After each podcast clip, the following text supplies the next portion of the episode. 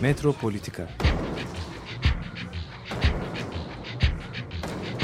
Kent ve kentlilik üzerine tartışmalar.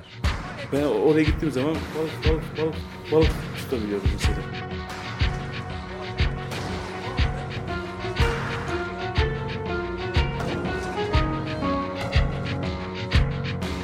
Hazırlayıp sunanlar Aysin Türkmen, Korhan Gümüş ve Murat Güvenç. Takusu yok yani. kolay kolay boşaltamadı. Yani elektrikçiler terk etmedi Perşembe Pazarı merkezinde. E, merhabalar değerli Açık Radyo dinleyicileri. Bugün Metropolitika'da Murat Güvenç ile ben Korhan Gümüş birlikteyiz. E, bugünün e, önemli bir konusu olarak, e, daha doğrusu geçen haftanın önemli bir konusu olarak biz de programımıza taşımaya karar verdik. Bu Topkapı Sarayı'nda olup bitenler. E, olay nasıl başladı? İlk önce onu söyleyeyim istersen. 12 e, Ekim'de Hürriyet Gazetesi'nde sürmanşet olarak Hasbahçe'ye imar e, başlığıyla bayağı bir dizi haber şeklinde devam etti sonra. Büyük yankıları oldu tabii. Yani bu Hasbahçe'nin e, Topkapı Sarayı'nın e, bahçelerinin e, birinci grup sit alanı olmaktan çıkarılıp üçüncü grup sit alanına Üçüncü dönüş- derece. Üçüncü derece. Şimdi burada e, yani şimdi şöyle bir şey var. Ben bu e, olayın tabii açıklamalarını izledikçe daha da e, fazla şaşırmaya başladım. İlk başta tabii olay çok sarsıcı. Topkapı Sarayı'nın bahçesi imara açılıyor. Yani bu tabii nasıl sarsılmaz ki insan? Yani dünyanın göz bebeği bir yer. E, işte yani birinci derece sit alanı falan da değil hani Derecesi olmuyor. derecesi olmayacak bir yer. Yani burasının statüsü bile tartışılmaz yani. Hani koruma kurulu böyle bir karar alabilir mi falan diye insan düşünüyor. Fakat sonra belediye başkanı Mustafa Demir, Fatih Belediye Başkanı Mustafa Demir bir takım açıklamalar yaptı ve bunun nedenlerini anlattı. Çünkü böyle bir sit alanında birinci derece ise e, sadece arkeolojik kazı yapılabiliyormuş. İhyalar yapılamıyormuş. Oysa ki koruyacaklarmış. E koruyunca tabii koruma demek ne demek? Yeni inşaat yapmak. Onlar böyle eski binalara benzeyince eski nereden bulacaklarsa projesi de olmayan binalar bunlar. Bunların bir de işlevlendirilmesi tabii söz konusu olacakmış. Orada da işte bunları diyor şeye hediye edeceğiz saraya. Topkapı Sarayı'na. Şimdi burada bir dolu tuhaflıklar zinciri birbirine eklenmiş durumda. Birincisi Topkapı Sarayı'nın bir yöneticisi ya da bir danışma kurulu ya da Topkapı Sarayı'nın bir planı yok mudur? Yani kendisinin bir takım planları, gelecekle ilgili işte çalışmaları falan bunu bir Tahayyülleri. tahayyülleri yani kurumun kendi politikası yok mudur? Belediye başkanı bunu açıklıyor ya da kültür bakanları genellikle hani bu tip merkezi hükümette ilgilendirecek ölçekteki konularda genellikle bu açıklamaları kültür bakanları yapar. Aslında tabii yani e, Topkapı Sarayı herhalde yani dünya mirası denilen bir şeydi değil mi? Yani yani E zaten UNESCO Dünya Miras Listesi'ndeki bir numaralı yer yani. Türkiye'nin ta ilk listeye giren yeri. Evet. E, dolayısıyla yani bunun gerçekten de hakkını vermek lazım.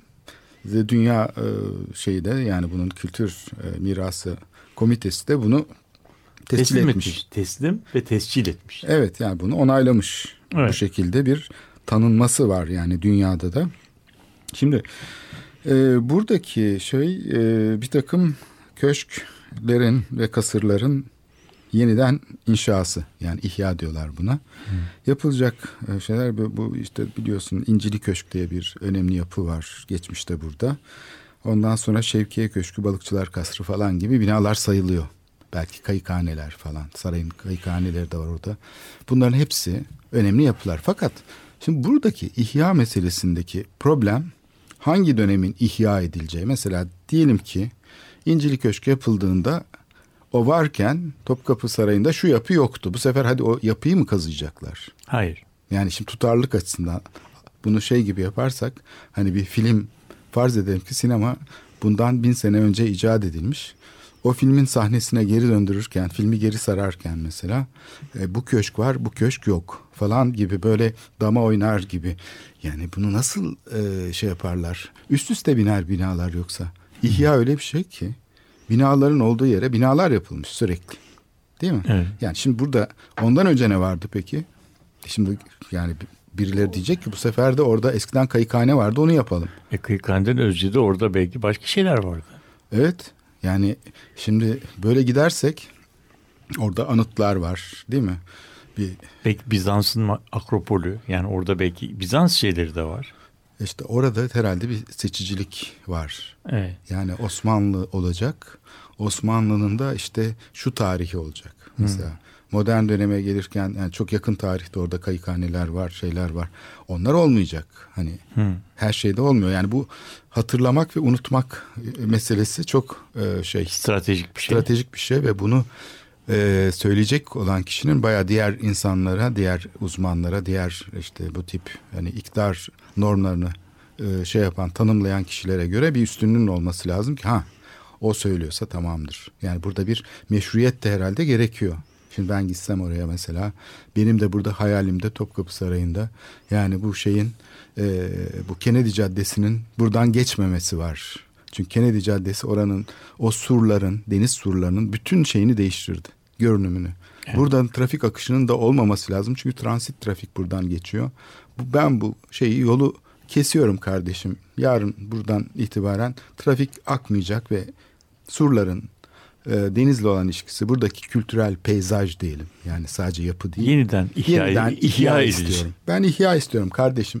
Madem ki sen buraya İncili Köşkü yapıyorsun, sahildeki bir takım kasırları yapıyorsun, Biz de Sirkeci Florya yalı ön, yapılmadan önceki peyzajı istiyoruz. istiyoruz. O zaman tutarlı bir ihya istiyoruz diyelim. Tamam. Biz de programımızdan böylece Bir talep çıkarıyor. bir talep yani yapıcı bir talep karşı çıkmıyoruz. Tamam ihya yapılsın. Sonuna kadar ihya istiyoruz. Kaldırın o yolu oradan lütfen. E, o zaman yanınızdayız mı diyelim. Ya ben mesela bu bu argümanla devam edersek mesela ben Tophane Kışla, Kışlası'nın da eski halinde ihyasını istiyorum. Valla o da olabilir. Çünkü bugünkü projeden herhalde daha iyi olurdu. Yani değil mi? Meydan değil mi? var, saat Meydan var. var. Evet. Yani on, orada bir mesela Tophane Kışlası yapılırsa denizle olan ilişkisini düşünebiliyor musun? Yani onun önünde denizden yanaşılacak şeyler var. İnsanlar onun içine girebilirler. Viyana'daki o e, ar- sanat müzesi gibi bir şey olabilirdi. Yani o kışla değil mi? Yani antrepodan daha iyi bir şey olabilirdi. Değil mi? Galeri olabilirdi. E, onun planı falan da vardır. Yani şeyde mesela bu İkinci Dünya Savaşı'nda bombardımanlarda yıkılmış hani önemli yapılar var. Mesela Palermo'daki müze binası.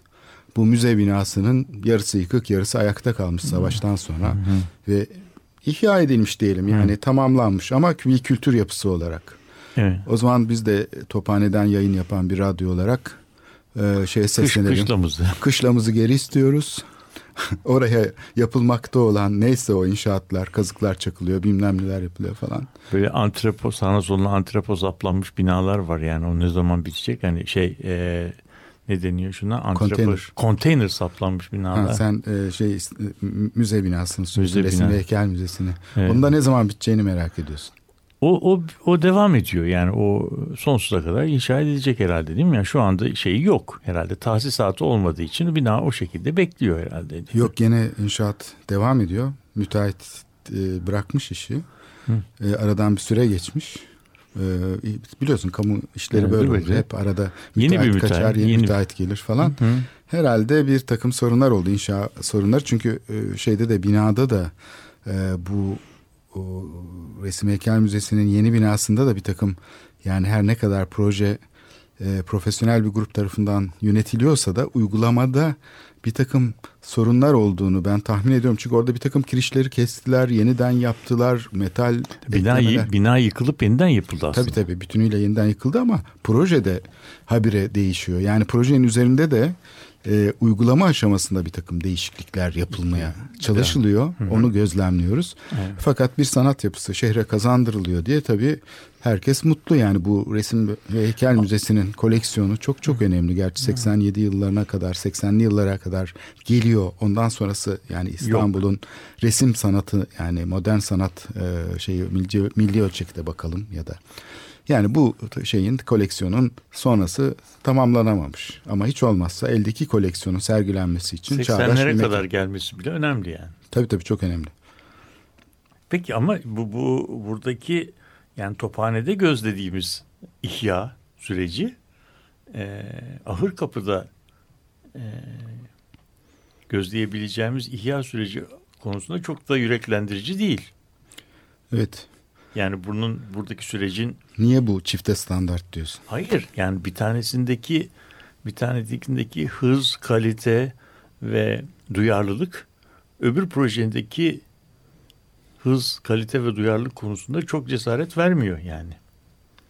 Bizim ihya konusundaki performansımız çok yüksek değil gibi geliyor. Mesela Bursa'daki Yeşil Türbe'nin restorasyonunu düşünüyorum. Yani restorasyon, ihya, restitüsyon konularındaki e, başarımız yani çok şey değil.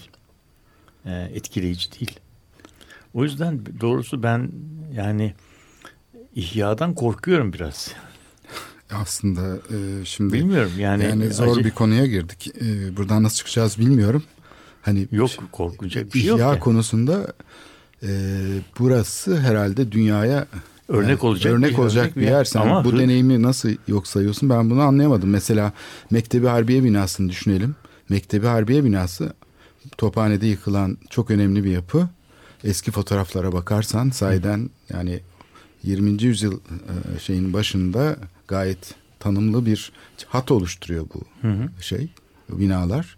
Şimdi bu binaları yıkıp yıkıp yıkıp ilerlerken yani bu şey yapılırken Menderes yıkımlarında 57'ler 58'ler değil mi? Evet. Şimdi bu bina gitmiş. Yani binanın olduğu yerden şu anda bir otoyol geçiyor. Artık ona bir otoyol diyebiliriz. Çünkü bariyerlerle kapatılmış bir yol ve bu yolun altında kalmış temelleri. Şimdi ne yapıyor bizim İHA e, kolik e, mimarlarımız? O binayı alıyorlar copy paste tekniğiyle Başka Ee, bir yere götürüyor. yukarı taşıyorlar. Yani şeye doğru Kod- Roma bahçesine doğru taşıyıp Kod kazandırıyor. Oraya biraz tabii oranın şevli çünkü orada biliyorsun orası sen su kenarı diyordun. Hani ondan sonrası dolgudur. Ee, o binayı alıp Roma kalıntılarının üstüne yapıştırıyorlar. Biraz irtifa da kazanıyor bina. Bina hem de derinliğine de irtifa kazanıyor. Yukarı çıktığı kadar da aşağı iniyor. Proje öyle yapılmış. Evet. Yani, orada bir arkeolojik kalıntı o- var mı yok mu diye bakmadan. Yerdelen. Evet. Yerdelen özellik. Tabii şimdi bu tabii herhalde bu yani Topkapı Sarayı ile ilgili olan bu ve insanları şey yapan heyecanlandıran bu olay aslında içinde yaşadığımız imar sürecinin ne kadar e, muhayyereden yoksun ve duyarsız olduğunu e, bize anımsatıyor. Yani doğrusunu e, düşünürsek bu Topkapı Sarayı bahçesindeki o kasırların yeniden tam nasıl ihya edileceği meselesinde sen hangisini yapacağız hangisini yapmayacağız konusunu şey yaptın. Yani burada bir zaman boyutu şey yaptın. İkincisi ben ben de yani Melling'in gravüründen bahsedildi geçen gün şeyde. Ee, Evet sayılıyor. Pervitiç haritası Evet. deniyor. Alman mavileri deniyor.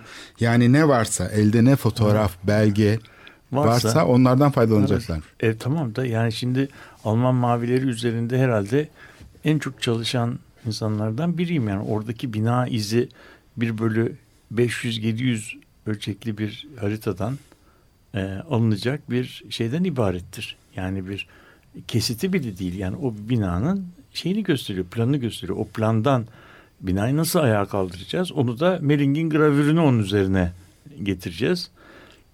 Yani bunların tam e, yani ikna edici yerin hakkında konuştuğumuz yerin ima ettiği ve gereksindirdiği duyarlılıkta bir operasyondan bahsedebiliyor muyuz? Ben ben çok kuşkuluyum o işlerden. Yani o bakımdan e, ben bu ihya işinden doğrusunu söylemek gerekirse biraz endişe ettim. Yani olayın zaten e, herkes farkında olduğu için zaten bu haber bu kadar ilgi çekti. Yoksa e, yani teknik bir konu olarak bunu şey yapar geçiştirirlerdi. Yani herkes aslında olayın ne manaya geldiğini tahmin edebiliyor. Yani, Yani burada evet o filmin sonunu tahmin edebiliyoruz. Yani bu Evet. bu şey yani bu e, Hollywood filmlerinde olduğu gibi mesela Hollywood filmlerinin bazı ilkesi varmış. Yani bir e, sahnede bir top gözükürse ya, ya o top patlayacak ya bir şey olacak. Yani topla ilgili bir şey olacak. Yani bir şey yapmayan gereksiz bir e, ayrıntı bir Hollywood filminde hiç gözükmez. Yani bu Boşuna yer almaz. Hayır yani o insanları da, o yüzden bu bu filmin sonunu bu filmi beş bunun benzerlerini çok yaşamış olan e, şeyler gazete, basın, medya halkımız yani bunun nereye varacağını tahmin etmiş olmalılar. Yani sahil konusundaki duyarlılığımız değil mi?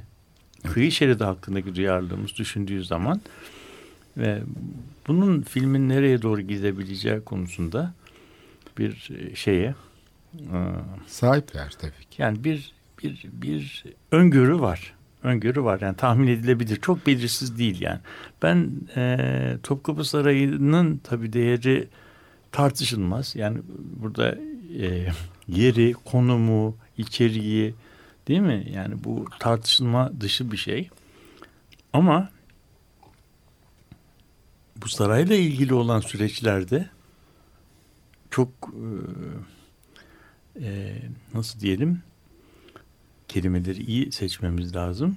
Çok da böyle örnek e, alınacak e, duyarlılıkta, hızda e, ve disiplinde projeler gerçekleştirdiği söylenemez. Ben mesela Tarih Vakfı'nda yöneticilik yaptım.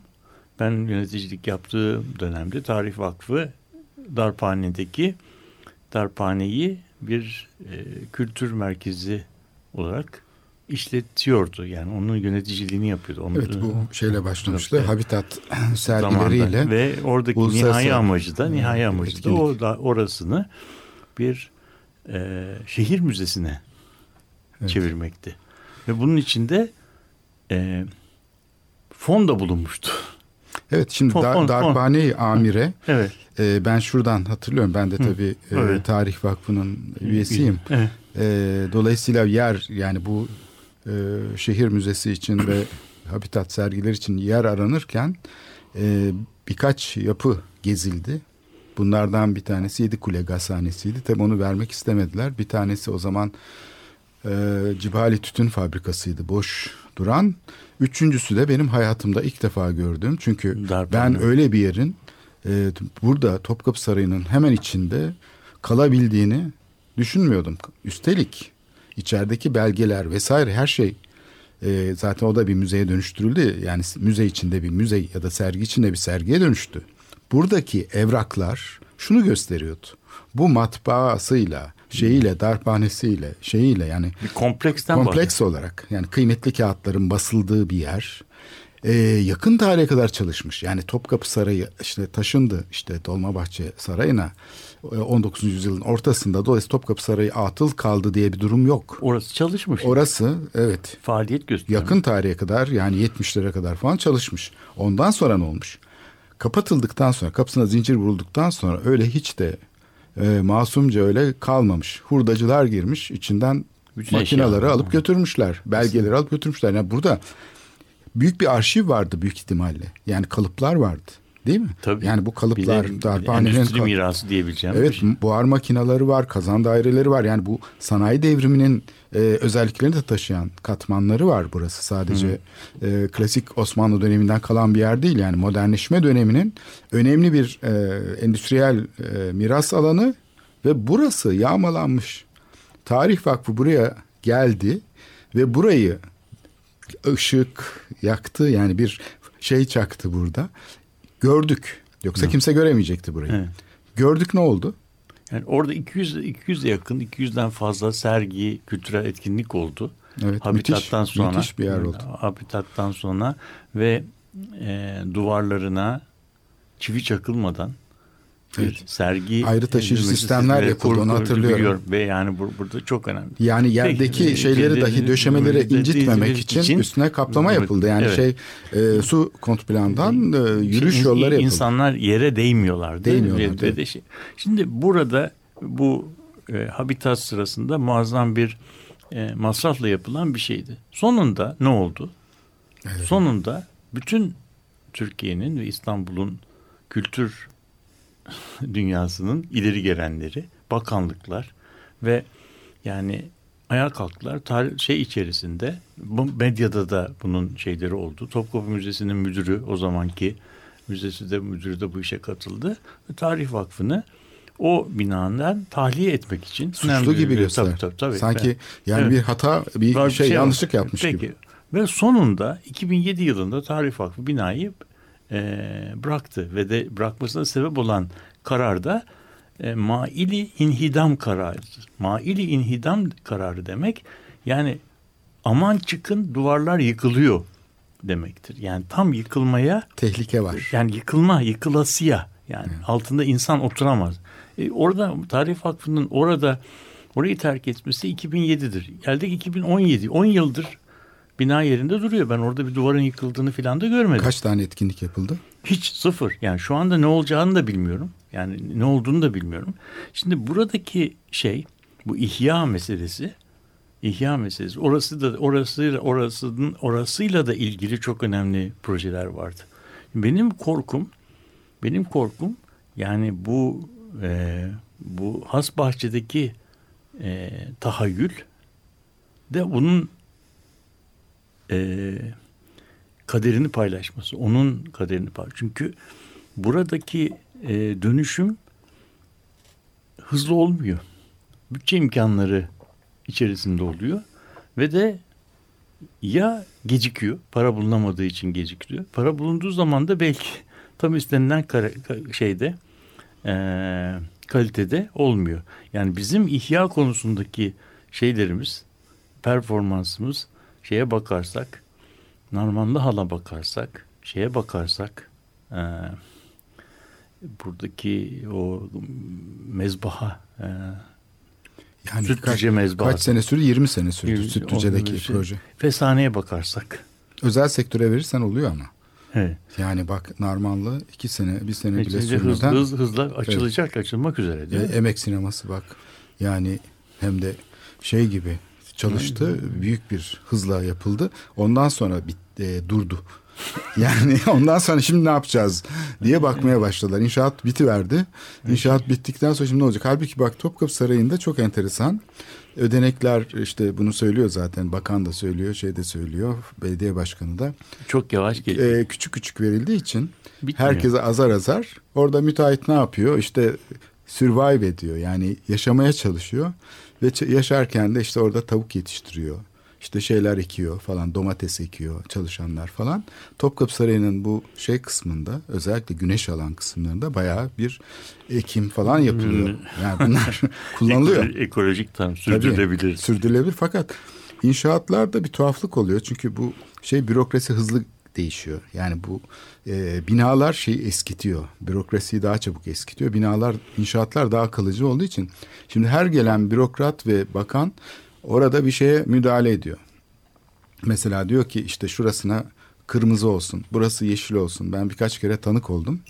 Dolayısıyla böyle şeyler olduğu için mü- müteahhit de ne yapacağını şaşırıyor. Yani bir taraftan bir şey yapmaya çalışırken öbür taraftan bir bakıyorsun bakan değişiyor. Yeni bakan geliyor. Ya da aynı zaman içinde bir tane daire başkanı uğruyor. Bir gün bir genel müdür uğruyor. Bir gün de bir bakan geliyor mesela. Her biri ayrı bir şey söylüyor tamam mı? Evet, evet. E, O zaman- çıkamıyorsun işin içinden. Yani bu karar alma sürecinde sahiden kendisine ait bak müzenin kendisine ait bir danışma kurulu yok. Kendisine ait bir mimari çalışma grubu yok. Yani projeleri Evet. yaptırıp e, şey yapan. Ayrıca kendisi zaten dili yok. Yani bir muazzam bir şeydir. Böyle bir sarayı yönetmek öyle kolay bir iş değil. Bir üniversite gibi bir şey. Tabii. Kadrosu var, restorasyon uzmanları var falan. Bir, bir de bir programı yok. Sa- Saray sadece kendi eserlerini sergiliyor. İşte. yani mesela böyle bir müzenin bir değil mi sergi programı olması gerekir. Yani bir periyodik sergileri bir şey olması gerekir. O, o da yok. Evet, etkinlik E, temelli e, çalışan bir kurum. değil. bir değil. Yani insanlar oraya geliyorlar, geziyorlar, gidiyorlar. Peki e, tarihi yarımada ile ilgili bizim yapmamız gereken alan yönetimi nerede? Şimdi Eğer alan alan yönetimi olmuş olsaydı bu alan yönetiminde bu proje içerilmeyecek mi? Herhalde içerilecekti. Evet Yani- tabii ki. E, Ondan yö- haberimiz olacaktı. E şimdi alan yönetimi niye var? Tam da bu işler için yok mu? Alan yönetimi aslında alan yönetimi mi ondan biraz şüpheliyim. Çünkü UNESCO bunu 2006 yılında Vilnius'ta yapılan toplantıda masaya yatırdı. Hı. Ve o komitenin genel kurul toplantısında alındı bu karar. Dolayısıyla dendi ki yani bu alan yönetim planını hazırlayın. Bunun üzerine 2010 yılında Olan yönetimi bir plana hazırlandı. girdi. Peki ne oldu? Hiçbir şey olmadı. Yani bu alan yönetim planının başındaki kişiden mesela duyduk mu bu ihyalar, bu işte şeyler nasıl oluyor, nasıl kullanılacak ya da işte yani buradaki diğer inşaatlar yani şimdi oradaki matbaa-i amire yani sen darphaneden söz ettin darphane-i amireden ben de matbaa-i amireden söz edeyim. O da onun. O da onun- devasa o da- bir yapı. Tabii. Ne oluyor? Ben 20 senedir yani bir takım böyle rekonstrüktif diyelim. Yani böyle taklit taklit şeyler yapılıyor fakat hiçbir şeye benzemiyor. Belki yapı 1970'lerdeki böyle modern bir takım müdahaleler olmuş. Yani içine betonarme şeyler konmuş. Aynı Venedik'teki Arsenale'nin içinde yapıldığı gibi. O haliyle, o melez yapısıyla korunsaydı bir doküman olarak bir değeri vardı. Yani Şimdi- böyle şimdi katman şimdi- katman. şimdi Şimdi, onu- tamamen bulamaç. Yani böyle margarin gibi binaya dönüştü. Tamam bu margarinden yapılan pastalar var. Hani böyle süs olsun diye yapılıyor da yenmiyor onlar. Düğün salonlarında falan onlar böyle gezdiriliyor. Sonra dilim dilim başka bir pastadan getiriliyor. Bizim bu yapılan restorasyon diye yapılan şeyler de hani ihya bile değil. İhya olsa çünkü hani dersin ki bir şeye tutarlılık arayışı vardır. İşte en azından bir varsayımları vardır. Şöyle olacak böyle. Bunda o da yok. Ne yapacağını kimse bilmiyor açıkçası.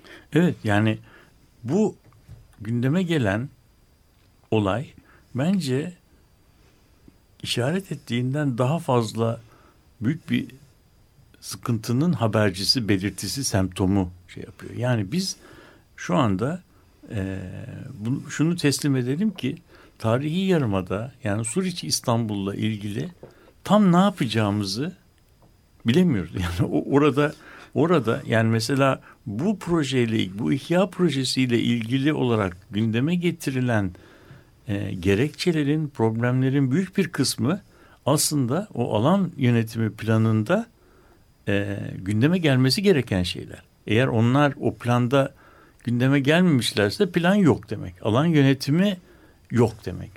Ama yasalarda bir alan yönetimi yapma gereği var. Bu alan yönetimi süreci içerisinde bu Suriçi İstanbul'un içerisine çıkacak Avrasya Tüneli benim bildiğim kadarıyla yok. Onu bırakalım. Yeni Kapı için bir yarışma düzenledi. Evet. Ortaklaşa Ulaştırma Bakanlığı ile Büyükşehir Belediyesi Yeni Kapı yarışmasının Evet. programında ki orada bir mikro bölgeleme yapıldı. Yani bütün aktörler bir araya getirilip program oluşturuldu. Şimdi yarışmaya çıkarken bir program varsa program değişirse yarışmanın yarısında dolgu yapılırsa mesela ya da araç tüneli oraya bağlanırsa o yarışma Ne, iptal mi olur. E, Yeni başladı. O iptal olmadı seçici kurul iptal edildi. Bir yarışmada eğer seçici kurul iptal edilirse o yarışma iptal edilmiş olur. Öyle olmadı. Yarışma Devam devam, etti. Seçici Başladı. kurul iptal edildi. Ondan sonraki şey daha skandalın yani bir değil katmerli e, hali. E, ondan sonra da kurumların içindeki insanlar, bizzat o işi yöneten insanlar yarışmaya Katıldılar. sonradan eklendiler. Çünkü yedi tane ikinci aşamaya geçen yedi tane şey vardı. Proje vardı. Yani kural buydu. Başta konmuş kural buydu. Sonra bir görüldü ki iki tane daha eklendi. O iki tane eklenenler de bu projeyi yöneten kamu kurumlarının yöneticileriydi. Onlar şeklen istifa etmiş gibi gözüktüler ama aslında yarışma açıldığında onlar zaten kamu kurumu olarak bu düzenleyici olan taraftaydılar. Ondan sonra da tabii tahmin edileceği gibi onlar birinci oldular. Şimdi bu yani bu hikayeleri bir kamuoyu biliyor. Ee, herkes biliyor yani mesleki alanda herhalde herkes farkında neler olup bittiğini İstanbul'da. Onun için bir herhalde bir e, şey var alışmış olma hali var ve İstanbul'un tarihi yarımadası gibi ya da Topkapı Sarayı gibi yö- yeri yönetmek için bu bizim ilişki sistemimiz yani bu Kifayet etmiyor. kifayet etmiyor yani profesyonel alandaki, akademik alandaki, kamu alanındaki örgütlenme biçimi bunu konuşalım istersen sonra. Tabii. Burada devam bir et. yetersizlik var. Evet. Şimdi burada e, müzik arasına geçmeden önce bugünkü duruma, duruma dair bir durum tespiti yaptık. Neler olduğuna yakın geçmişe doğru gittik. Ben ikinci kısımda bu bölgenin tam bu metropoliten alanın neresinde durduğu, içindeki konumu, anlamı, bugüne kadar nasıl korunabildiği, şu anda e, başına ne gibi tehditler altında olduğu konusunda şey yapalım ve bu, bu, bu çok değerli yeri e, nasıl değerlendirebileceğiz, nasıl koruyacağız o mesele konusunda neler düşündüğümüzü tartışalım. Yani burada e, sadece bir muhalefet yapma e, noktasına gelmeyelim ve bunun neler e, e, neler atıra getirdiği konusunu dikkate alalım. Şimdi burası şu anda bir e, bir şey yaptığı zaman biraz belki teşbihte hata olmaz, benzetmede hata olmaz diye bir şey vardır. Yani şu andaki durum bir sirke benziyor. Yani bir e, hemen hemen her şeyin olduğu. Yani sirkte biliyorsunuz cambazlar değil mi? Korku şeyler, heyecan verici şeyler, vahşi hayvan her şey var yani. Bizim bu tarihi yarımada da biraz her şey var. Yani ve bu her şeyin olması orayı biraz daha e, kırılgan yapıyor. Yani o yerin ruhuna biraz aykırı süreçlerle karşı karşıyayız. O yüzden e, istersen bir sirk müziğiyle bir ara verelim. Ondan sonra konuşmamıza devam edelim. Beatles'tan For the Benefit of Mr. Kite şarkısını dinleyelim.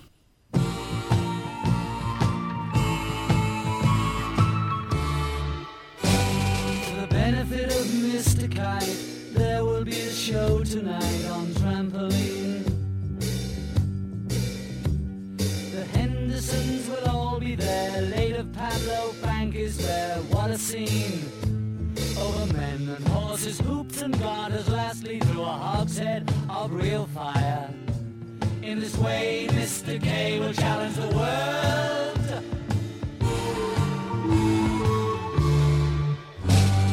The celebrated Mr. K performs his feat on Saturday at Bishopsgate. The Hendersons will dance and sing as Mr. Kite flies through the ring. Don't be late. Letters K and H assure the public their production will be second to none.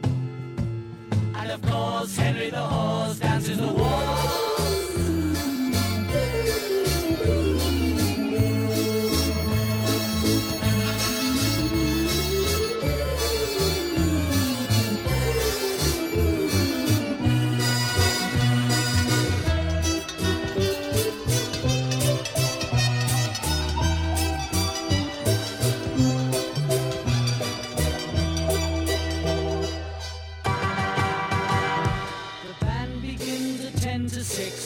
Performs his tricks without a sound. And Mr. H will demonstrate ten Somersets he'll undertake on solid ground. Bing bing, some days in preparation, a splendid time is guaranteed for all. And tonight, Mr. Kite is topping the bill.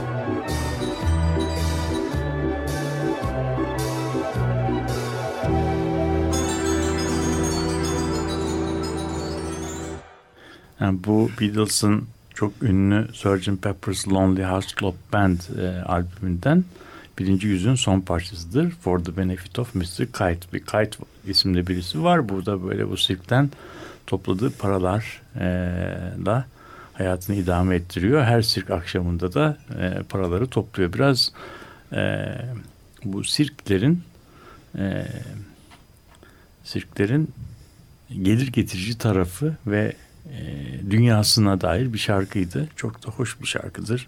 Sözleri de alegorik ve metaforik olarak bizim konumuza biraz e, yaklaşıyor. Şimdi ben bu bizim tarihi yarıma İs- İs- İstanbul, Suriçi İstanbul'un e, niye böyle oldu? Bugün o konuda biraz e, düşün. Na- Nasıl bir- oldu da korundu. Ko- korundu. Ha, Ama ne kor- zamana kadar? Ha, doğru korundu. Nasıl korunabildi? Ha. Yani şimdi mesela bugün e, bugün şuradan başlayalım. İstanbul hiç kuşku yok ki Avrupa'daki en eski kentlerden, yerleşmelerden bir tanesi. En eski. Yani hele bu Yeni Kapı'da bulunan şeyle beraber e, 8 bin yıllık e, yerleşmeyle beraber yani boğazlar açılmadan önceki yerleşmenin e, şeyle beraber ki onun biliyorsun kanıntıları bugünkü deniz seviyesinin çok altından Evet çıkıyor. evet 9-10 metre altında. altında. kalıyor. Yani Evet. o da o da işte buzulların erimesi, İstanbul boğazlarının açılması, Büyük tufan. büyük tufan gibi şeylerle filan ilgili.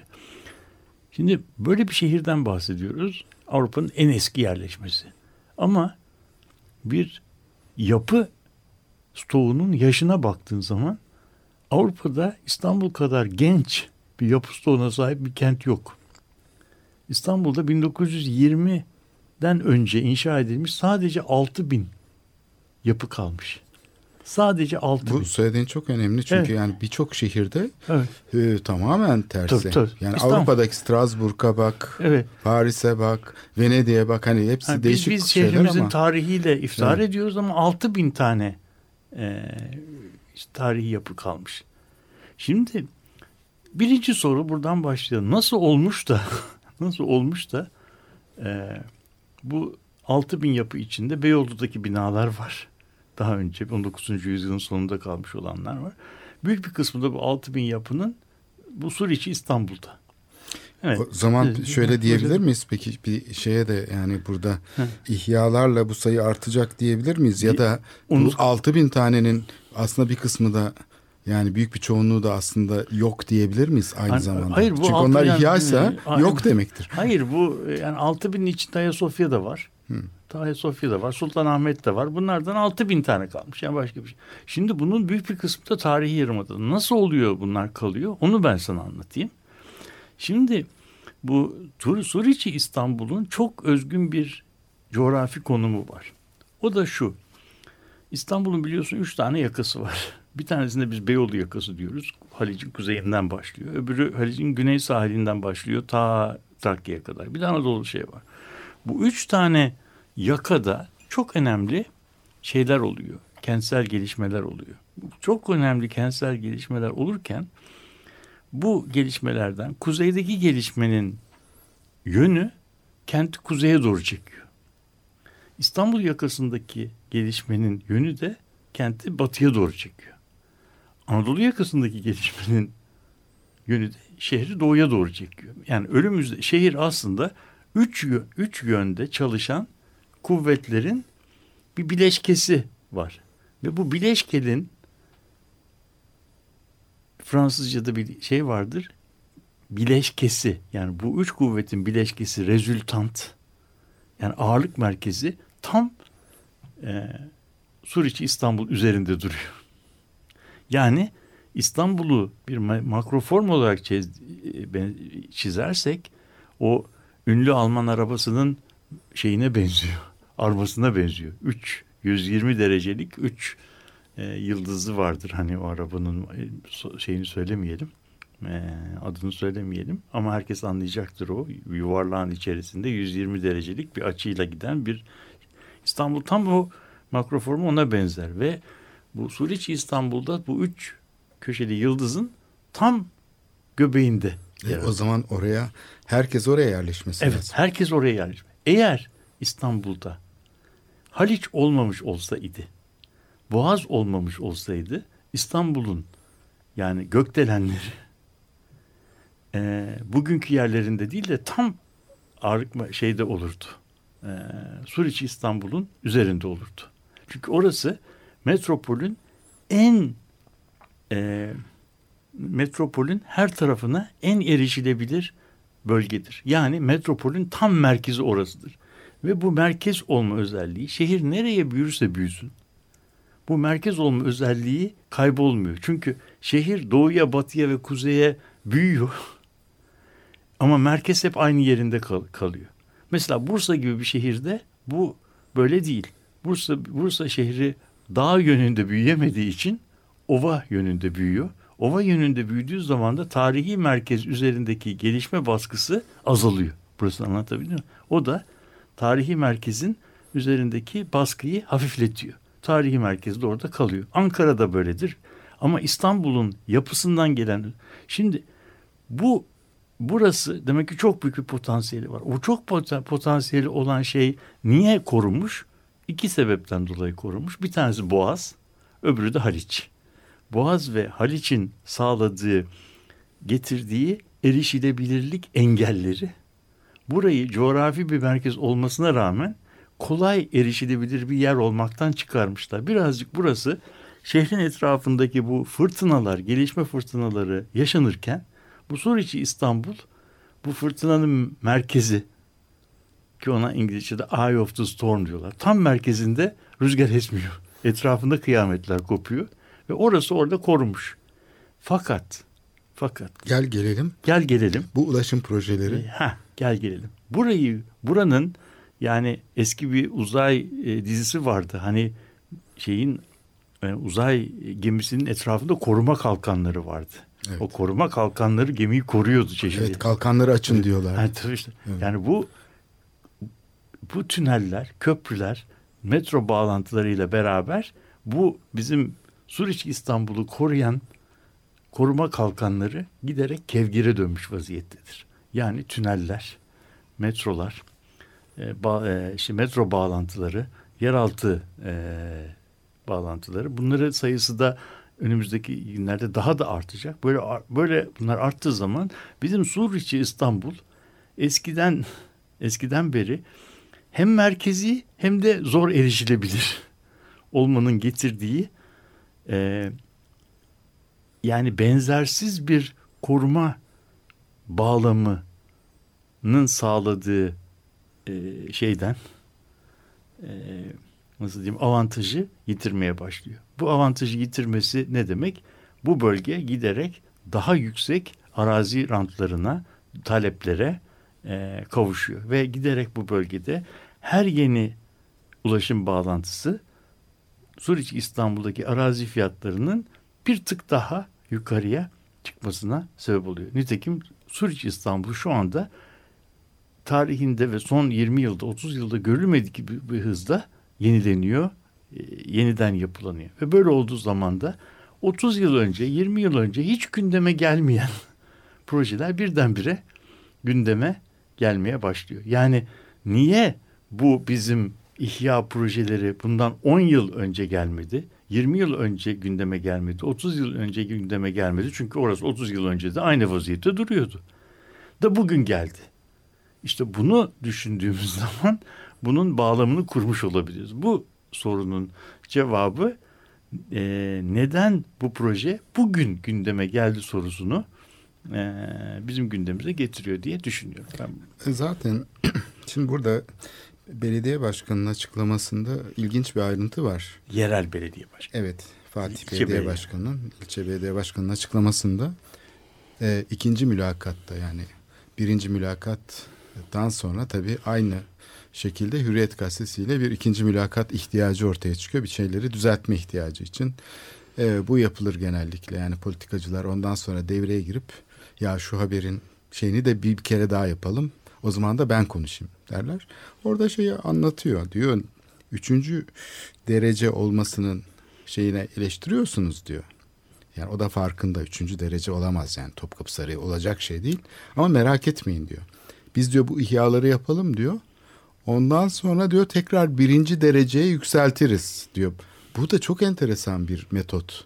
Yani e, şey mevzuatı şey yaparak kenarından. kullanarak e, bu şeyi ihyayı gerçekleştirmek için adeta yani şey yapıyorlar. Kararları ona uyduruyorlar. Yani Evet. bir belirleyici bir karar var. Buraya inşaat yapıl- yapılacak. yapılıncaya kadar izin var. Yapıldıktan sonra bir daha sonsuza kadar inşaat yapılması Bu şey vardır hani fiksatif denen bir şey Hı. var. İlk önce şey yaparsın sonra çalışıp üstüne şey olmasın diye dağılmasın diye üstüne sprey sıkarsın falan. Evet. Topkapı Sarayı'na böyle bir sprey sıkıp ondan sonra koruyacağız diyorlar ama tabii o da e, bir süre sonra o da mesela diyelim ki darphane gündeme gelir. Oraya da bir inşaat yapma. Bak ne güzel ihyalar yaptınız. Ya bu ne bu mezbelelik bu darphane böyle olur mu kardeşim? Sen buradaki bu çok katmanlı şeyi böyle koruyacağına mis gibi bak yeni inşaat içine işte yaparsın. Pırıl pırıl nasıl yani böyle insanın içi ferahlıyor değil mi? Mesela ben şey dolaştığım zaman sarayın içinde yani birçok şeyin ihya olduğunu farkındayım zaten. Yani şimdi restorasyon diye yapılan şeyler Türkiye'de aslında, aslında restorasyon değil ihya. Yani tıpkısının aynısı ya da aynısının e, benzeri. Yani ne deniyor ona? Aslında uygun yapmak tekniği. Mesela harem ağaları koğuşlarında i- ihya şeklinde restorasyon yapılıyor. Yani kim daha iyi taklit ederse o başarılı restorasyon sayılıyor. Surlarda hani yapamadıkları için, iyi taklit edemedikleri için başarılı olmadı restorasyon. Hani başarılı olması için böyle yıkıntı taklitlerini tam yıkıntı gibi yapacaksın. Üzerine böyle eskitme yapacaksın. Hani böyle şeyler yapıyorlar ya ahşaplara falan. Evet. O zaman başarılı restorasyon adı veriliyor. Evet. Yani yapıtla mesafe koyan, onu bir özne olarak e, konuşturan bir şey değil, e, süreç değil. Onu böyle son hep yani sonuna kadar çelişkili bir şekilde onun yaratmış olduğu rahatsızlığı bir şekilde yok etmeye çalışan bir e, profesyonel e, süreç yaşanıyor aslında. Tasarım süreci yaşanıyor. Yani ihya dediğimiz şey aslında e, farklı şeylere kritik bir düşünceyle farklı öznelliklere açık olması gereken bir şeyin. Yani çünkü hem tasarım konusu olsun hem de bir yapının kültürel miras değeri olsun. Bunlar zihinsel konulardır aynı zamanda. Yani bir Evet, arkeolojik evet. değeri sadece toprağın altında bulduğumuz zaman anlamayız. O zaten bakışla e, şey yapılır, keşfedilir değil mi? Karşılıklı bir etkileşim Bu- bu- vardır. bu Nesnenin katılım hakkı diye konuşmuştuk bunu Bu, programda. bu söylediğin çok çok doğru. Bir de hakkında konuştuğumuz bağlamdan e, bağlama dair bir şeyler söylersek herhalde burası dünya mim- yani mimari mirasının en önemli yerlerinden bir tanesi. Ve belki de evrensel bir değerden bahsediyoruz değil mi? Bir yerleşme değerinden ve bunun mesela bir uluslararası proje, fikir projesi değil mi? Ee, konusu olması lazım. Yani bunun, bunun bir e, bütün yani çok farklı düşüncelerin seferber edilmesi, burayla ilgili bütün uzmanlıkların seferber edilmesi ve buraya çok özenle yaklaşılması gereken bir yer. Bunun hiçbir şekilde ben e, küçümsediğim filan e, noktasında değilim. Hiçbir şey yapılmaz iddiasında da değilim. Bazı şeyler de yapılabilir. Ama bugünkü teknolojiyle yapılabilecek şeylerin e, en iyilerinin tartışıldığı kanısında değilim. Şimdi burada Yani. senin ortaya attığın kavram kavram evrensel olması. Yani UNESCO'nun kuruluş nedenidir bu. Hı hı. Çünkü e, İki Dünya burası Savaşı sahibi- öncesindeki sahibi değilse. milli e, yaklaşıma karşı, kültürdeki milli yaklaşımlara karşı Tabii bunun benim- e, acılarını yaşayan dünya Birleşmiş Milletler ve UNESCO ile birlikte e, evrensel Kültür ilkeler, meselesi. evrensel ilkeler ortaya koymuştur. Kültürel miras konusunda artık e, ülkelerin, ülk devletlerin malı değildir, insanlığın malıdır deyip ortak malıdır. e, buna kurallar getirmiştir ve Türkiye'de bu sözleşmeyi İmzaladı. imzalamıştır. Yani burada e, şimdi UNESCO mu devre dışı kalıyor? Bütün bu e, koruma konusunda Türkiye'nin imzalamış olduğu sözleşmeler mi devre dışı kalıyor? Bunları aslında değerlendiren ve tartışan e, kurumlar da ortada kalmadı. Galiba yani buradaki mesele aslında bütün Gündemimizde yok yani. modernleşmenin yani Türkiye'deki modernleşmenin üniversiteleriyle vesairesiyle İkinci Dünya Savaşı sonrasında özellikle bu liberal dönemin açılması, bu normların benimsenmiş olması aslında çok da güçlü değilmiş. Bunu gösteriyor. Yani bu şeylerin bir sıkımlık e, gücü varmış. Hemen yok oluverdi yani bütün bu Evet. kurumlar. Nasıl Yani- oldu yok yani oldu? bu buradaki tartışmayı ben doğrusu söylemek gerekirse e, yürüttüğümüz terimleri yani tartışmanın nasıl yürütüldüğünü yani mesela şöyle şeyler duydum başkanın ağzından geceliğin burada kimse oturmak istemez. Kimse buradan yürümek istemez. Burası çok tekinsiz bir yer. Yani burayı biraz şenlendirmek, ışıklandırmak lazım falan. Yani şimdi bunların hepsi bir tasarım projesinde gündeme gelebilecek argümanlar ama projeye bu argümanlardan başladığımız zaman çok sonucun neye benzeyeceği konusunda bazı emarelerde çıkmış oluyor. Ve bu emareler acaba bu yerin bu çok e, yani biricik dünyada örneği olmayan şey vaziyetin yani site plan, vaziyet planı yani oradaki vaziyetin, durumun e, geleceği hakkında çok da umut verici e, işaretler vermiyor.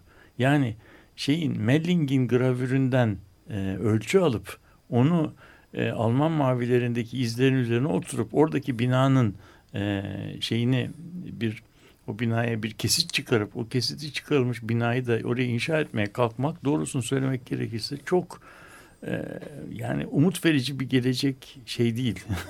umut verici bir e, proje gibi gelmiyor bana. Bilmiyorum sen ne dersin? Yani bir e, Topkapı Sarayı herhalde e, şey herkesin benimsediği bir yer. Yani üzerinde bir yani, anlaşmazlık yok değil ya mi? Kimse, kimse Korunması kimse konusunda hani kimse. birileri dese ki hayır burası çok değerli değil korumamak gerekir falan. kimse, Öyle bir kimse, durum yok. herkes Tam onu- tersi dünyada kim Tabii. varsa Yani- bu alanın değeri Yani konusunda en fikir. üst- siyasetin üstünde Bu konuda bir Evet, tabii. şey yok. Yani bu konuda bir Kimse- anlaşmazlık yok. Herkes, Burada herkes, bir çelişki de yok. Hani AKM gibi değil. Hani AKM'de bir Ha. tamam bir çelişki Ama var. buranın- bir buranın kısım evet. insanlar başka görüşte falan olabiliyor. Ama burada bir böyle bir çelişki yok. Peki niye yapamıyorlar? Asıl mesele burada. İşte niye, niçin biz alanlarla ilgili güç paylaşımı yapamıyoruz? Yani bir alan yönetimi dediğimiz şeyde zannediyorum bir yönetim kültürü diye bir bir, bir şey var. Bizim alıştığımız ezberlerimiz var. Bu ezberlerimizde de hiyerarşik bir e, iş yapma biçimimiz var. Yani her kurumun bir hiyerarşik yapısı var ve o hiyerarşik yapıda bir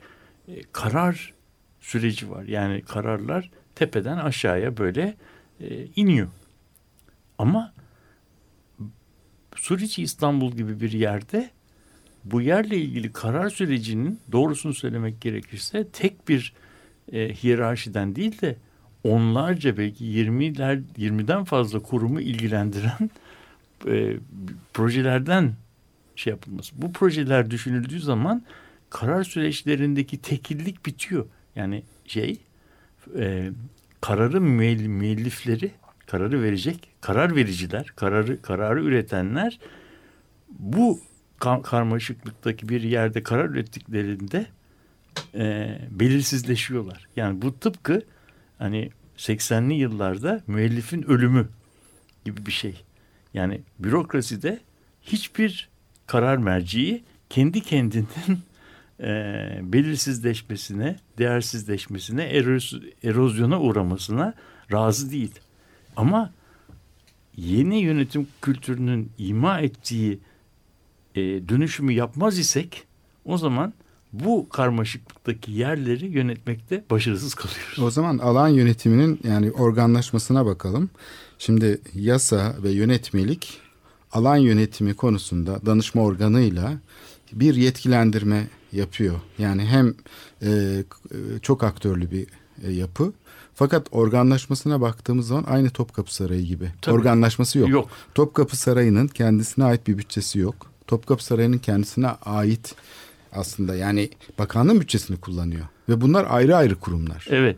Yani Kendisine ait bir küratörü yok, sergi düzenleme imkanı yok, e, şeyi yok, stratejisi yok, politikası yok. O yüzden de Fatih Belediye Başkanı çıkıp Topkapı Sarayı şöyle olacak diyebiliyor. Ve burayı yaptığımızı sonra da bak şey- yani şimdi bu alan yönetimi dediğimiz şeyi de bu Suriç İstanbul'la ilgili onlarca karar merciğinin yanına 11. karar merci olarak koymuş oluyoruz. Dış kapının mandalı gibi. Yani bir tane daha karar Evet. merci ekledim. Halbuki su, su- e, buradaki alan merciğinin bütün karar vericilerin orkestra şefi gibi çalışması lazım. Onların onun otoritesini tanımaları lazım. Kimse kimsenin otoritesini tanımaya, onunla müzakereye, konuşmaya razı değil. Ama buradaki norm koyma şeklindeki değil, patronaj şeklinde Ciddi olduğu ciddi. için bütün Evet. yönetimler Evet. fragmente olmuş vaziyette. Yani şimdi tarihi yarımadaya baktığımızda bir hurdalığa dönüyor. Tabii Mesela işte onun işte Sultanahmet'e dedi. gittiğimizde bunu anlıyoruz. Sultanahmet Meydanı'na şöyle bir baktığımızda orada birisinin çay bahçesi var bir belediyenin. Öbür tarafta işte birisinin e, başka bir şey var. Yani bir kaos halinde şehir mobilyaları farklı, şeyleri farklı, sinyalizasyon farklı. Yani bir tür böyle bir kaos halinde hurda mekan İşte deniyor buna. Biraz e, arada çaldığımız şarkının konusuna doğru geliyoruz. Hemen her şeyin olduğu yani çok aykırı şeylerin birbiri ardına e, izlenebildiği bir yer e, şeyi e, izlenimi bırakıyor. Ve burasını da hak etmiyor doğrusu söylemek gerekirse. O zaman tarihi yarımadayı yani e, zorlayan şeyin yani yıpratan şeyin aslında e, burada şehrin nüfusunun artması falan olduğu değil değil. yönetim tabii. olduğunu söylememiz lazım. Lazım. Bunu teslim etmediğimiz takdirde hep işte nüfus artışı oldu, göçler oldu falan deyip Hayır yani Asıl sorunu erteliyoruz. Bu, bu, bu- Evet, yani biz, biz bu yani şimdi bazı meselelerde yani buna benzer bir yaklaşımı kentin çeperinde e, bu kadar karmaşık olmayan bir yerde yaptığımız zaman kötü kaliteli bir mekan üretmiş oluyoruz ve o- onun, onun da zararı sadece o orada yaşayanlara oluyor. Ama burası yani dünyanın gözünün üzerinde olduğu ve dünyanın en önemli e, mimari miraslarından bir tanesi. Buraya yaklaşımın gerektirdiği duyarlılığı gösteremiyoruz maalesef. Ve gösterebilecek kapasiteye de sahibiz. Aslında e, gösterebilecek kapasiteye sahibiz e, diyebilir miyiz? Onu bilmiyorum çünkü şöyle bir Potansiyel olarak var. var ama şöyle bir potansiyel var. Yani kimse şunu söylemesin. Tarihi yarımadayı korumuyoruz çünkü halkın çıkarlarıyla ters düşüyor.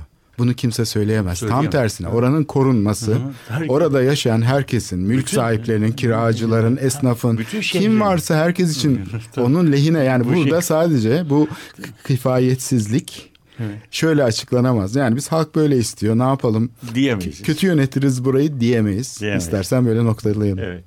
Haftaya görüşmek üzere. Hoşçakalın. Görüşmek üzere.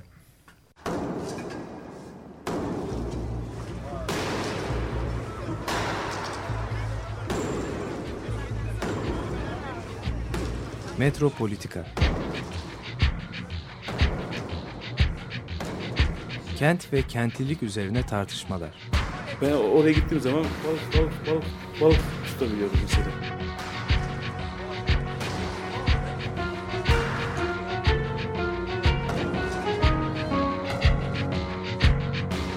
Hazırlayıp sunanlar Aysin Türkmen, Korhan Gümüş ve Murat Güvenç.